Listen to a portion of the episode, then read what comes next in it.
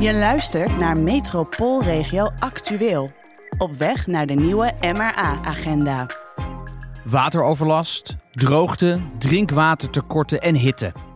Het klimaat verandert sneller dan verwacht. En dit zijn slechts een paar gevolgen die steeds vaker gaan gebeuren. Dat bleek wel uit de onlangs gepresenteerde nieuwe KNMI klimaatscenario's. En het onderstreept de urgentie om de regio klimaatbestendig te maken, waarin ons water een belangrijke rol speelt. Want water grijpt in op diverse thema's zoals woningbouw, bedrijventerreinen en economie. Hoe dan, vraag je je af. Welkom bij de podcastserie Metropoolregio Actueel. Mijn naam is Frank Kromer en in deze serie praat ik met mijn gasten over allerlei thema's die spelen in de metropoolregio Amsterdam vanuit verschillende perspectieven. En vandaag gaan we het dus hebben over water. En dat doe ik met Bea de Bouzenier, dagelijks bestuurder van het waterschap Amstel, Gooi en Vecht. Robert Berghout, wethouder in Haarlem en bestuurlijk trekker van het MRA-programma MRA Klimaatbestendig maken. En Femke Schasvoort, watereconoom en adviseur bij Deltaris. Welkom allen.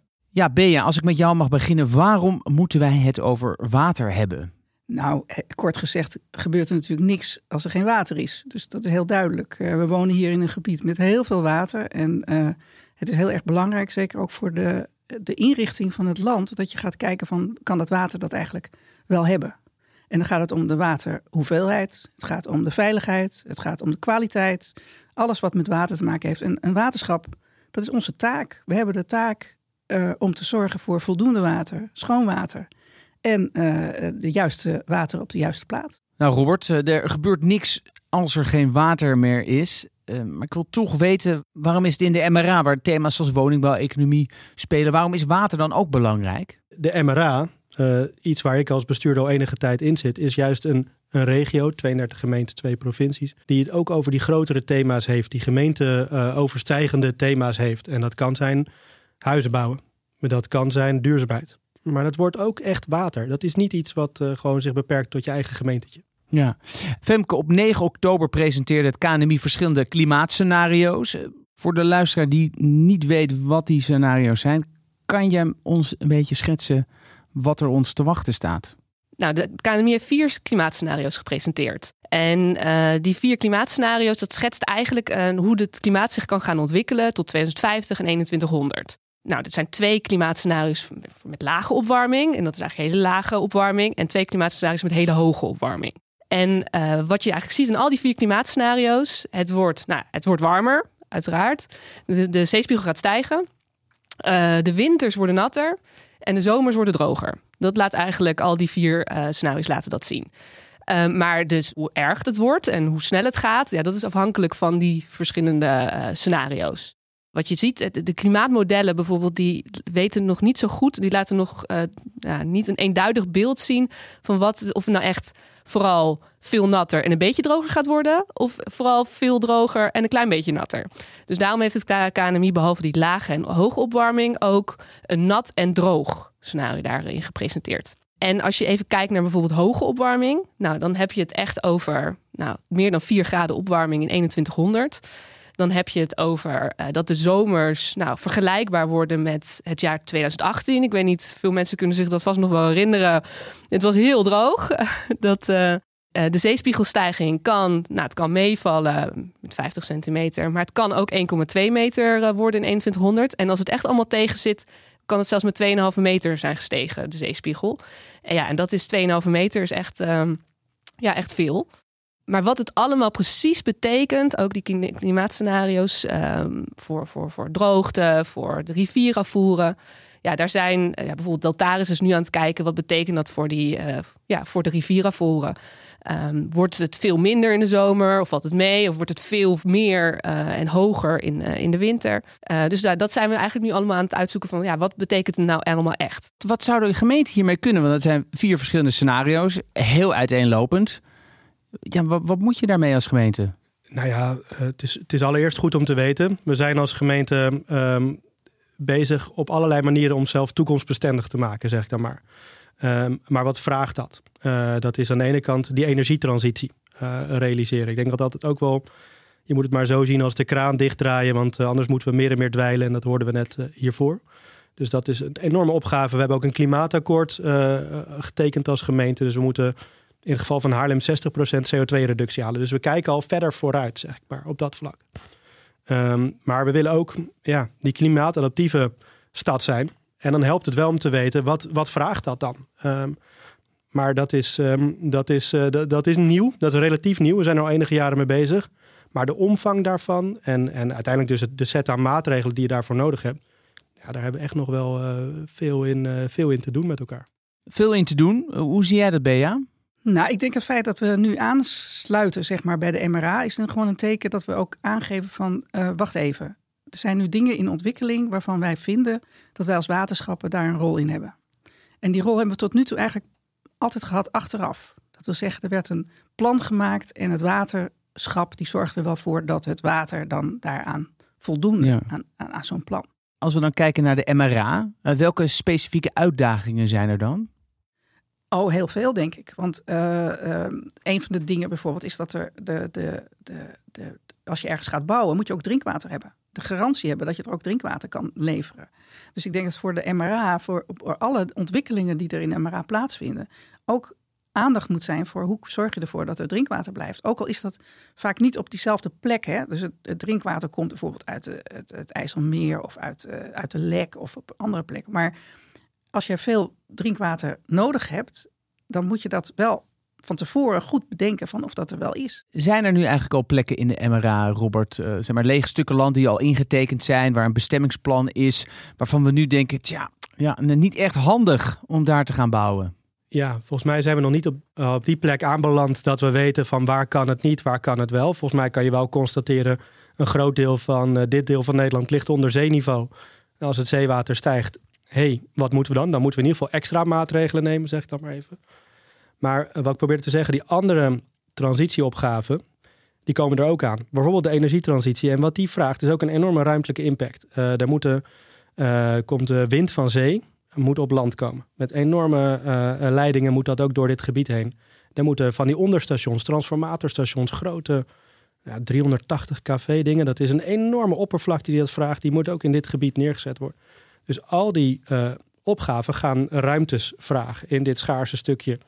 En uh, maak dan nog maar eens de juiste keuze. En dan zijn we eigenlijk, wat ik zei, de MRA is een mooie, kan er een mooie kaart van maken. Maar het is een heel gelaagd uh, iets met zijn eigen besluitvormingsorganen, waar vaak ook nog het Rijk iets over te zeggen heeft. Omdat er een Schiphol zit of er zit een Tata. iedereen heeft daar zijn. Dus in dit speelveld moet je hier uitzien te komen met elkaar. Ja. Nou, ik probeer maar aan te tonen dat is niet eenvoudig. Dus voor de, voor de luisteraar, jij, hoe, hoe, hoe begin je dan? Hoe richt je dan zo'n nieuw, uh, ja, een soort, eigenlijk een soort stad-land systeem, hoe richt je dat dan in? Ik denk dat het belangrijk is om te beginnen in ieder geval goed weten waar, waar zitten nou de grootste risico's. Um, wat zijn nou de diepste punten van mijn polders waar al het water heen gaat stromen als er wateroverlast is? Um, wat, voor, wat is het effect van, van grote droogte op, op die verschillende functies in mijn gebied? Dat is denk ik je, je start, zodat je ook wel weet van oké, waar moet ik dan mogelijk ja, gaan over nadenken van, en, en keuzes in gaan maken. Dus ik denk dat dat de start is en dan natuurlijk uiteindelijk aan de ja, aan, aan, aan degene, de wethouders, aan uh, het provinciebestuur, om, om, om daar keuzes in uh, Ja, ik kan niet meer wel zeggen voor haar. Dus dat, voor Haarlem ben, mag ik ook dit als wethouder doen. Dus ik ben in de regio vertegenwoordiger samen met BEA om klimaatadaptatie op de agenda te zetten. Ik denk dat dat heel belangrijk is om dat in die, in die gremia, die overlegorganen, dat bespreekbaar te maken. Maar ondertussen ben, is iedereen in zijn eigen gemeente hier ook mee bezig. Nou, in Haarlem zijn we ook met het waterplan bezig. En het interessante is dat je dan voor klimaatadaptatie hebben 40 hotspots aangewezen uh, waar we echt iets moeten. Uh, waar echt gewoon, uh, bijvoorbeeld bij hevige regenval komt een viaduct onder water te staan. Nou, dat is net waar de brandweer naast zit. Die kan dan het centrum niet meer in. Um, en maar zo hebben we andere plekken waar, of we kijken daar echt wel, we zijn veel scherper eigenlijk binnen onze eigen gemeentegrenzen wat er nodig is. wat bijvoorbeeld heel interessant is, is wij want nou, je, je, moet flink wat aan je openbare ruimte gaan verspijkeren om die waterberging mogelijk te maken. Nieuwe watergangen graven, uh, drainage realiseren. Nou, de kilometers vlogen me om de oren toen ik dat hele plan uh, voorbij zag komen. Het is nog wel een opgave. Maar wat ook bijvoorbeeld interessant is, is we hebben um, inmiddels vrij... Het is een oude stad, Haarlem. We hebben inmiddels ook wat vrij oude riolering in onze stad zitten. En die moet de komende 10, 15 jaar grotendeels vervangen worden. Doe het dan in één keer goed koppel het dan in één keer af. Zorg dan dat dat hemelwater niet weer via het riool naar de afvalwaterzuiveringsinstallatie van het waterschap gaat. Want die moet daar ook al zijn capaciteit op instellen en doen. Uh, koppel dat af, uh, vang dat af, sla dat op. Dat is de manier waarop we er nu naar kijken. En dat vindt dus in, in, ik kan niet voor alle gemeenten spreken, maar voor onze gemeente wordt hij daarmee al veel concreter wat je moet doen. Daar ja. ik zelf ook veel blijer van, want dan, krijg je wat, dan kan je, wat, kan je ergens mee werken. Hoe zijn we eigenlijk in deze situatie terechtgekomen? Is dat echt puur klimaatverandering? Uh, of is er in het verleden ook, zijn er ook keuzes gemaakt waarbij je nu denkt, ja, we hadden toch wat anders moeten bouwen? Ja, als in laatste. het laatste. Dat laatste. Ik denk dat als we beter. Ja, maar goed. Je kan achteraf kun je heel veel dingen bedenken. Ja, maar het is lekker makkelijk maar Het is heel makkelijk achteraf. Maar het is wel zo dat uh, uh, het dichtbouwen van het gebied, zeg maar. Als je de kaarten ook bekijkt. In, in, in 20, 30 jaar is er zoveel bestraat, zeg maar, en bebouwd. Waar blijft dat water dan? Want het water dat kan niet in de grond zakken. Dat moet dus weg. En de enige manier waarop het weg kan, is dat het wegstroomt en dat het dan via het buitenwater echt weg moet. Nou, wat je kunt doen daarvoor is ruimte creëren, dus waterbergingen, zodat je dat water kan bergen. Dat is ook een van de dingen die wij ook op voorstellen om dat te gaan doen in dit gebied natuurlijk. Dat je eens gaat kijken waar is er ruimte waar je tijdelijk water kan opslaan. Nou, als je het helemaal vol bouwt, dan is er nergens plek voor. Zijn er nu al projecten waarvan je denkt, oeh, daar moeten we nu eigenlijk meteen even eh, gaan ingrijpen? Nou ja, vooral de grote projecten waar je, waar je mee bezig bent, bijvoorbeeld Havenstad, is een mooi voorbeeld natuurlijk. Van je zegt van, het moet je echt vanaf het begin kijken van hoe ga je dat water daar laten stromen. Uh, het is uh, bijvoorbeeld uh, waar op dit moment gebouwd wordt op het Zeeburger Eiland, hè, dus de, de sluisbuurt. Ja, daarvan zeggen we nu al van er zitten dingen in in het watersysteem.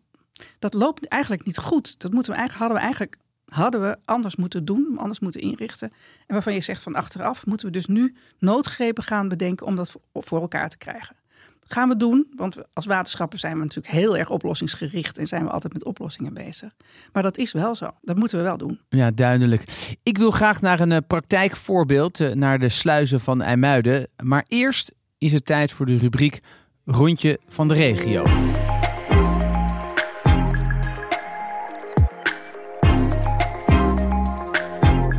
Ja, in elke aflevering bespreken we een stelling, namelijk het rondje van de regio. En deze keer is de stelling: vanaf nu mogen we niet meer bouwen op plekken die gereserveerd zijn voor regenwateropvang. We hebben twee inzendingen. Laten we er eerst eventjes naar luisteren en dan mogen jullie alle drie daarop reageren. Je zou veel meer water moeten opvangen binnen het stedelijk gebied, in opslagtanks onder gebouwen bijvoorbeeld. Maar ook op de plekken die gereserveerd zijn voor wateropvang kan je prima bouwen. En dan doe je de wateropvang onder die gebouwen. Ja, niemand wil natuurlijk wonen of werken in een gebied dat gereserveerd is voor wateropvang. Maar dat betekent wel dat je dat moet weten. Dus dat is een punt voor communicatie. Dat betekent ook een verantwoordelijkheid, niet alleen voor overheden, maar ook voor vastgoedpartijen en ondernemers die overwegen om toch dat risico te gaan lopen. Dat is niet alleen een risico voor die bouwers, maar in feite ook voor de gebruikers, oftewel de bewoners of de werknemers. Hoe staan jullie erin? Als we nu meteen gaan strepen, dit kan niet, dit kan, dan sla je ook de discussie een beetje dood. Dus ik hoop hem in ieder geval om hem bespreekbaar te maken in de MRA. Wat ik denk dat heel erg belangrijk is, want anders dan, dan, dan vallen we allemaal in de klassieke politieke vuik dat de wethouder wonen zegt, ja, wat moet ik nou nog? Uh, of zo. En dan zegt de wethouder duurzaamheid, nou, dit is het allerbelangrijkste. Volgens mij moeten we er met elkaar uitzien te komen hoe we dit gaan doen. Ja, en dan zal het voor sommige plekken, denk ik, uh, einde verhaal zijn. En voor sommige hopelijk vinden we alternatieven. Uh, maar het kan ook voor de bestaande bouw gaan gelden. Hè? Dat we behoorlijke maatregelen moeten gaan nemen. Ik bedoel, ja, de nieuwbouwopgave is flink. Maar de bestaande bouw is, is gigantisch. En die zijn ook niet allemaal op de beste plekken gebouwd. Uh, en nou, geef mij dan maar de prioritering. Waar moet ik eerst aan de slag? Daar heb ik mijn plan op doorgerekend. Van wat zijn nu de kritieke plekken in de stad?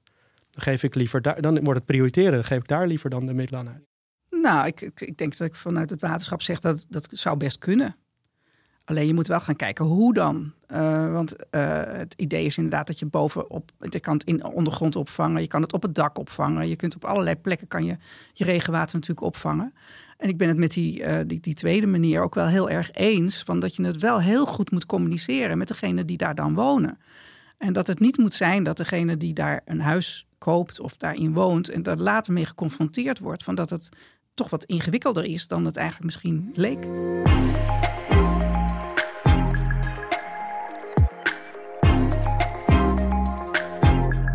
Goed, laten we eens een concreet voorbeeld onder de loep nemen. In de extreem droge zomer van vorig jaar, van 2022, was te lezen in verschillende kranten en websites. Droogte zorgt voor problemen bij sluizen en muiden. Um, Bea, kan jij mij eens uitleggen wat er precies speelt in IJmuiden? Ja, dat kan ik in het kort wel. In ons waterschap, we zijn heel erg afhankelijk van de hoeveelheid water die er uiteindelijk via het Amsterdam-Rijnkanaal naar het Noordzeekanaal stroomt. Een deel van dat water gebruiken we, een deel van het water, water uit de, we kunnen zelfs water uit het IJsselmeer halen om het zoet te houden. Maar het, als het erg, gaat, erg droog is, dan krijg je dat er zout water vanuit zee het land binnenkomt. Zowel vanuit IJmuiden, Mhm. vanuit de sluizen. Er liggen de sluizen en als daar boten eh, van de zee naar, naar het land gaan, zeg maar, naar, naar het Noordzeekanaal gaan, dan gaat dat via een sluis en dan dat noem je schutten en, dan, en, dat, en die boten die worden dan met water en al komen die dan in het Noordzeekanaal terecht. Dat je begrijpt dat dat zout water is wat Ja. dan naar binnen komt. Het zoute water dringen we, het wordt eigenlijk teruggedrongen vanuit het water, vanuit de Rijn, door het Amsterdam-Rijnkanaal, stroomt het naar het Noordzeekanaal, zoet water, om dat zoute water eigenlijk tegen te houden. Ja.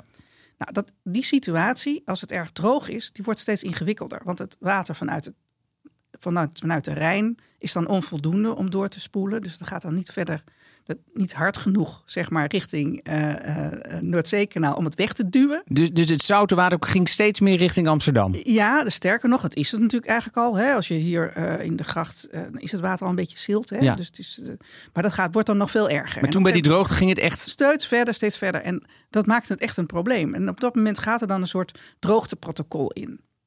En dat droogteprotocol houdt in dat een van de eerste dingen die afgeschaald wordt, is het eh, eh, scheepvaartverkeer.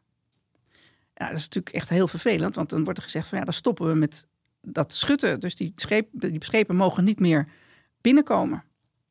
Nou dat lag allemaal vol natuurlijk daar bij Muiden, want al die schepen moeten er wel in. Ja, dat, dat- kijk, in IJmuiden, hè, in, in de havens van Amsterdam, ligt een van de grootste kerosinehavens van, van de wereld. eh, om, om Schiphol eh, aan, aan, aan kerosine te voorzien. Dus je moet even beseffen van wat het betekent als dus die haven dan dicht gaat. Dat was echt wel een beetje een panieksituatie. Want eigenlijk mocht er niet meer geschud worden volgens de regels. En toen zijn we met de haven gaan spreken. En we hebben gezegd van nou, hoe kunnen we het dan wel doen? En samen met Rijkswaterstaat natuurlijk, die dat water ook regelt. Van hoe kunnen we dat nou oplossen? En als oplossing is er toen gekozen dat er minder vaak eh, de sluis gebruikt ging worden. Maar dat er wel meer schepen dan tegelijkertijd in die sluis probeerden te duwen. Zodat je eh, dat toch nog kon blijven doen. Eh, Femke, is dit nou het beste voorbeeld van klimaatverandering in de regio? Dit is natuurlijk niet puur klimaatverandering wat hier gebeur, gebeurd is. Want de sluizen zijn verdiept, ze zijn groter gemaakt. Eh, dat zorgt meer voor meer verzilting. Dat zorgt voor meer zout, eh, wat eigenlijk Noordzeekanaal kan optrekken. En ehm, er zijn maatregelen genomen om, dat, om eigenlijk dat te beperken met een selectieve onttrekking. Alleen die werkte nog niet. Maar kan ik eruit concluderen dat dit gewoon ja, eenmalig eh, is? Een vervelende samenloop van omstandigheden? Nee. Of is het dat we zeggen, ja, maar luister, we hebben die scenario's. En ja, het gaat hier toch een stuk droger worden. Dus Nee, nee, dat is zeker zo. Eh, als je kijkt naar de toekomst, de kans dat dit gaat voorkomen, eh, nou, dat, dat neemt, neemt vooral onder de hoge eh, klimaatscenario's nou, echt best wel toe. Ehm, nou, en dat betekent dus dat je straks mogelijk ook afwegingen moet gaan maken. Gaan we een beetje verzilting toelaten? Nou, wat ik eerder zei, van hebben die drinkwater heeft daar mogelijk last van natuur, landbouw. Eh, of ga je zeggen van ja, we gaan toch tegen de haven mogelijk zeggen, ja, we, krijg- je krijgt gewoon vaker te, te maken met schutbeperkingen. Of je gaat daar nog eh, meer maatregelen in het systeem nemen. Maar goed, dat zijn allemaal eh, nog opties. Maar dat, maar dat is wel, ja, je krijgt er waarschijnlijk wel meer mee te maken in die klimaatscenario's. En vooral omdat het in alle scenario's droger wordt. Dus eh, dat het, het probleem toeneemt, dat is, eh, ja. dat is iets wat zeker is. Aan de andere kant, eh, Robert, het tegenovergestelde van droogte is heel veel water in een hele korte tijd. Daar hebben we natuurlijk ook mee te maken in de regio. Je refereerde al aan Haarlem. Hoe ga je er eigenlijk mee om als gemeente? Ja, eh, dus eh, vol- volgens mij is dit wel iets wat ehm, meerdere steden raakt. Dus dat is altijd ook wel weer. ehm, dat is ook wel ergens hoopvol als wethouder, zegt dan maar. Het is niet iets wat je alleen in Haarlem hebt. We hebben hier met elkaar mee te dealen. En dat, eh, dat raakt dan inderdaad eh, sterk verdichte gebieden, steden eh, extra. Of daar kan extra overlast ontstaan. Hoe ga je daarmee om? Ehm, ja, en dat zal in een heel palet zitten. Hè. Dat zal dus deels weer in die communicatie zitten. We moeten onze bewoners wel meenemen dat dit ook, die klimaatscenario's niet iets abstract zijn. Dat is echt, dat komt eraan en dat gaat ook in Haarlem een rol spelen. We gaan er zelf maatregelen voor nemen. Um, en dat vind ik op zich wel, wat ik wel mooi vind, is in het hele instrumentarium wat je tot je beschikking hebt op, op lokaal niveau, of regionaal niveau, maar vaak wisselen we ook die kennis dan weer onderling uit. Is dat je enerzijds inderdaad die grote infrastructurele ingrepen. Oké, prima, dan gaan we de riolen afkoppelen en dan gaan we grote die straat op de schop. Maar het begint ook al met kleine groeninitiatiefjes in, uh, in de buurten. Uh, soms de bewustwording al, dat je met elkaar bezig bent. Dat is, uh, hey, dat is, dat is om meerdere redenen wel leuk om te doen. Je ziet je, je buren een keer, maar hey, het is ook wat groener. Het is wat uh, nou, soms planten we er ook flink wat bomen bij. Gaat die schaduw ook toenemen de komende op meerdere vlakken wordt het opeens interessant om A, dat gesprek te hebben. Hey, waarom maken we hier dat pleintje groener? Nou, het was toch wel erg heet in de zomer. Of ja, oh god, staan eigenlijk wel veel auto's in de straat. Of ja, oh, heb jij ook een regenton? Of zo. En, ja, en dan komt, nou, dan is opeens het, verhaal over de klimaatscenario's niet meer zo heel ver van je bedshow. Want dan ben je al ermee bezig in je eigen buurt. Dus wij proberen Haarlem in ieder geval niet het een soort van allemaal zelf te doen als gemeente. Of als dat de ambtenaren maar mogen gaan uh, tegelwippen. We doen het met elkaar, dus ook met alle initiatieven in de stad. Of proberen de klassieke ver vergroeningsinitiatieven ook aan klimaatadaptatie te koppelen. En ik denk dat dat in ieder geval uh, helpt. Dus dat is ook iets wat je gewoon. Uh, en dan kijk je soms ook hoe de ene gemeente dat doet of hoe de andere gemeente dat doet. Of we hebben een groene dakensubsidie. Uh, waarin we dan de helft van de kosten vergoeden. Als je een groen dak aanlegt of dat je korting krijgt als je het samen met je buren doet. En dat verfijnen we, maar daar kijken we ook schaamteloos naar andere gemeenten waar wat werkt. En zo probeer je denk ik een beetje stapje voor stapje deze opgave ook um, behapbaar te maken. En, en, je, en je zei, nou, er ligt ook een verantwoordelijkheid bij de inwoners. We hebben subsidies. Um, er zijn natuurlijk wel heel grote verschillen tussen, tussen inwoners, de hoger opgeleide, de, de meer praktisch opgeleide. Uh, hoe neem je iedereen daarin mee? Want het kan best wel, ja, uh, of als je niet zo heel veel geld hebt, dan is het wat lastiger om, om, om die stappen te maken. Plus dat je, ja, of, of je hebt het gewoon de, de, de kennis er niet voor. Hoe, hoe neem je iedereen daarin mee? Ja, klopt. Dus uh, dat, ook daar denk ik dat het meest laagdrempelige soms is dat het begint met je eigen straat of je eigen buurt uh, aanpakken. En soms um, uh, hebben we ook sociale initiatieven in Haarlem. Gewoon, um, um, ja, hoe zeg je dat? We hebben gewoon organisaties, bijvoorbeeld in Haarlem-Oost, in Schalkwijk, die met name vanuit ontmoeting bij elkaar komen. En dan introduceren we daar een keer het thema klimaat of wat dan ook. En dat je op die manier het gesprek start. Ik zie wel inderdaad traditioneel dat, uit, dat um, uh, dat, een, dat, dat uh, initiatieven vaak bij een bepaald deel van de stad... dat dat veel meer zijn dan in, uh, in andere delen van de stad. Dus dat is wel iets waar je actief aan de slag moet gaan. we doen het soms ook met woningcorporaties. helpt ook enorm om daarmee aan de slag te gaan. Maar um, ook hier moeten we echt van elkaar leren hoe we dit goed kunnen doen. Dus er is niet één, één oplossing voor. Ik weet het ook nog niet precies, eerlijk gezegd. Maar ik ben het wel met je eens. Een, een deel, maar dat zie je ook met de energietransitie. Een deel kan het best wel goed voor zichzelf regelen, zeg maar eventjes. En daar gaan dan de subsidies vaak dan heen. Uh, ja, dat... ja, dus, en, maar zo zie je ook stapje voor stapje zijn we... Want energiearmoede, om maar iets te zeggen, is wel een thema wat de afgelopen jaren opkomt. Dus hoe je uh, daar uh, mensen met een lager inkomen helpt om hun energierekening terug te dringen mogelijk gaat dat misschien ook voor klimaatadaptatie ja. een rol spelen. Nou, daar hebben we een hele mooie podcast over opgenomen, over energiearmoede. Oh, dan ga ik die terugluisteren. Ja, dat zou ik zeker op, doen. Ik meteen op. Voor we afronden, een laatste vraag aan jou, Bea. Wat zou jij uh, de mensen in de MRA, de bestuurders, de ambtenaren willen meegeven... als we kijken naar de toekomstige samenwerking? Nou, dan zou ik willen zeggen van dat het ontzettend belangrijk is om samen te werken. Maar vooral ook om de waterschappen in het beginstadium van al die plannen te mee te betrekken. Want als je ons daarbij betrekt, dan krijg je de juiste oplossingen en dan krijg je ook de juiste uh, inrichting van ons land. Duidelijk. Hiermee zijn we aan het einde gekomen van deze aflevering. Dank aan mijn drie gasten. En voor we afsluiten leg ik onze luisteraars altijd graag de stelling voor de volgende aflevering voor. En die aflevering gaat over toerisme. En de stelling is: zonder regionale afstemming tussen toeristische dagattracties gaan veel van deze initiatieven failliet. Stuur vooral jullie meningen en ideeën in via 06 148 248 94 of mail naar info@metropoolregioamsterdam.nl. Wil je nou op de hoogte blijven van de ontwikkelingen? Kijk dan op www.metropoolregioamsterdam.nl en abonneer je vooral op deze podcast in jouw favoriete podcast app. Mijn naam is Frank Kromer. Tot de volgende keer.